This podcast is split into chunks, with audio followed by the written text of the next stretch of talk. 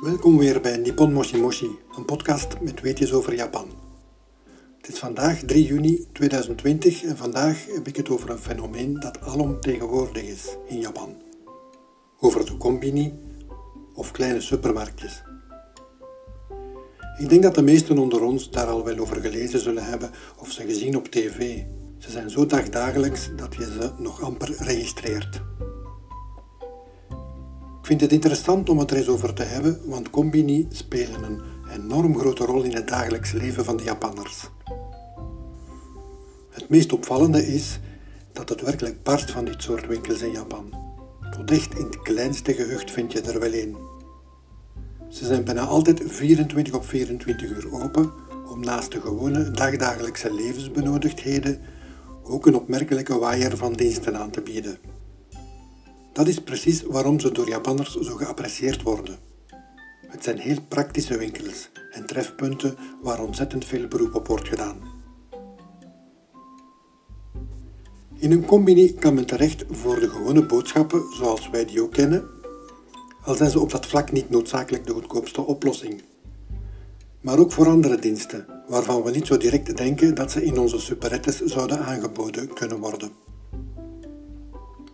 Zo heb je in bijna elke combini een ATM of geldautomaat, waar men niet alleen geld van zijn rekening kan halen, maar er ook geld kan op storten. Als Belg kan je aan de ATM in een combini dus geld afhalen met je bankcontactkaart. Maar niet alleen dat. Japanners kunnen ook voor heel wat andere financiële verrichtingen in hun combini terecht. Bijvoorbeeld om hun elektriciteitsrekening te betalen, het gas, het water, mobielefonieabonnementen, internetdiensten, betalingen voor online aankopen enzovoort. Een combini fungeert dus dikwijls als loket voor heel wat diensten van openbaar nut. Dikwijls staan er ook andere automaten, bijvoorbeeld met tickets voor nationale busverbindingen. Ik bedoel daarmee bussen zoals je bij ons de Flixbussen hebt. Een Japanner hoeft daarvoor dus niet online te gaan of naar een station of toeristische dienst die veel minder talrijk ingeplant zijn in de steden. Dat ze zulke dingen kunnen regelen in een combini vinden Japanners geruststellend.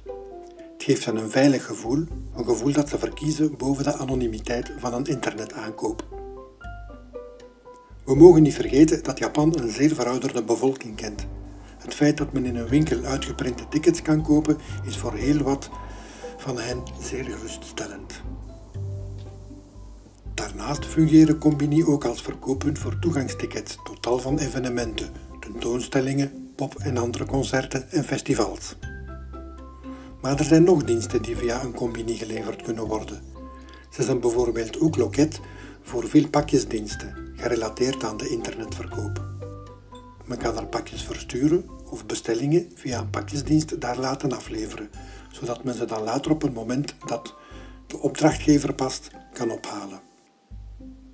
Doorgaans is er eerder een combini in de buurt waar Japanners wonen dan een postkantoor. Voor pakjes is dat dus wel erg interessant. Ook omdat men er op bijna elk uur van de dag terecht kan en dus niet thuis moet wachten op een koerier. Wat ook normaal is, is dat in veel combini fotocopieerapparaten ter beschikking staan. Meer zelfs, men kan er niet alleen fotocopiëren, maar ook printen. Je brengt je bestanden gewoon mee op een USB-stick. Naar onze normen is documenten printen in een combini bovendien spotgoedkoop. Voor veel toeristen of voor wie kort in Japan verblijft is dat handig om weten, denk ik. Leveringen van internetbedrijven, vooral Japanse, maar ook hier en daar van internationale, kunnen dus gewoon via een combini. Nu fungeren bij ons grotere super- en hypermarkten ook wel als ophaalpunten, maar het feit dat het in Japan op zulke schaal en in haast elke combini of kleine superette ook kan, op bijna elk moment van de dag, maakt het veel comfortabeler om van die diensten gebruik te maken. Japanners, maar ik ook niet, houden niet zo van leveringen aan huis. Zeker als ze niet kunnen garanderen dat er iemand thuis zal zijn of wanneer het tijdstip van wanneer op de dag niet gepreciseerd kan worden. Iets ophalen in een combini die bijna alle uren van de dag open is, is dan veel gemakkelijker. Bovendien is er dan de zekerheid dat het pakje niet onbeheerd voor de deur ligt. Het is dat hele pakket, de hele waaier aan diensten en service, die het succes van de combini verklaren. Het enige grote probleem waar combini mee worstelen, denk ik, is dat hun onderlinge concurrentie zo groot is en dat die vooral in de grote steden op de rentabiliteit gaat drukken. Gaan de laatste tijd meer stemmen op om niet meer 24 uur op 24 open te gaan. Maar uiteraard, naast al de diensten die ze leveren, blijven het gewone winkels. Alhoewel, toch weer een tikkeltje anders gewoon dan bij ons. Men verkoopt er goedkope snacks, sandwiches, kant-en-klare maaltijden, cupnoedels, kranten, drank, alcoholische en andere, detergent, schrijfgerief, simpele kleding, ondergoed en kousen, snoep, eigenlijk alles wat in een gewone boodschappentas past. Maar ook leuk is dat je er ook kant-en-klare warme maaltijden kan krijgen. Dat wil zeggen dat je wat je er koopt ook ter plekke kan laten opwarmen. En er zijn zelfs combini die zich in bepaalde gerechten specialiseren en maaltijden van het eigen merk ontwikkelen. Voor wie goedkoop door Japan wil reizen, bieden zij dus ook een uitkomst. Om het kort te houden, ik raad het iedereen die naar Japan komt aan. Ga eens naar een combini. Je krijgt er onmiddellijk een inkijk in het dagelijkse leven van de doorsnee Japanner, jong en oud, man en vrouw. Goed, dat was het wat de combini betreft. Culturele activiteiten of evenementen heb ik deze keer niet te melden. Maar leuk om volgen zijn in deze periode de reeksen Tokidoki op NPO 2 en Reizen Waas op 1.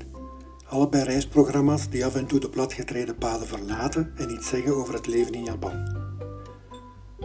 Het eerste is wat inhoudelijk beter, vind ik, maar het tweede is buitenissiger en dat is ook leuk.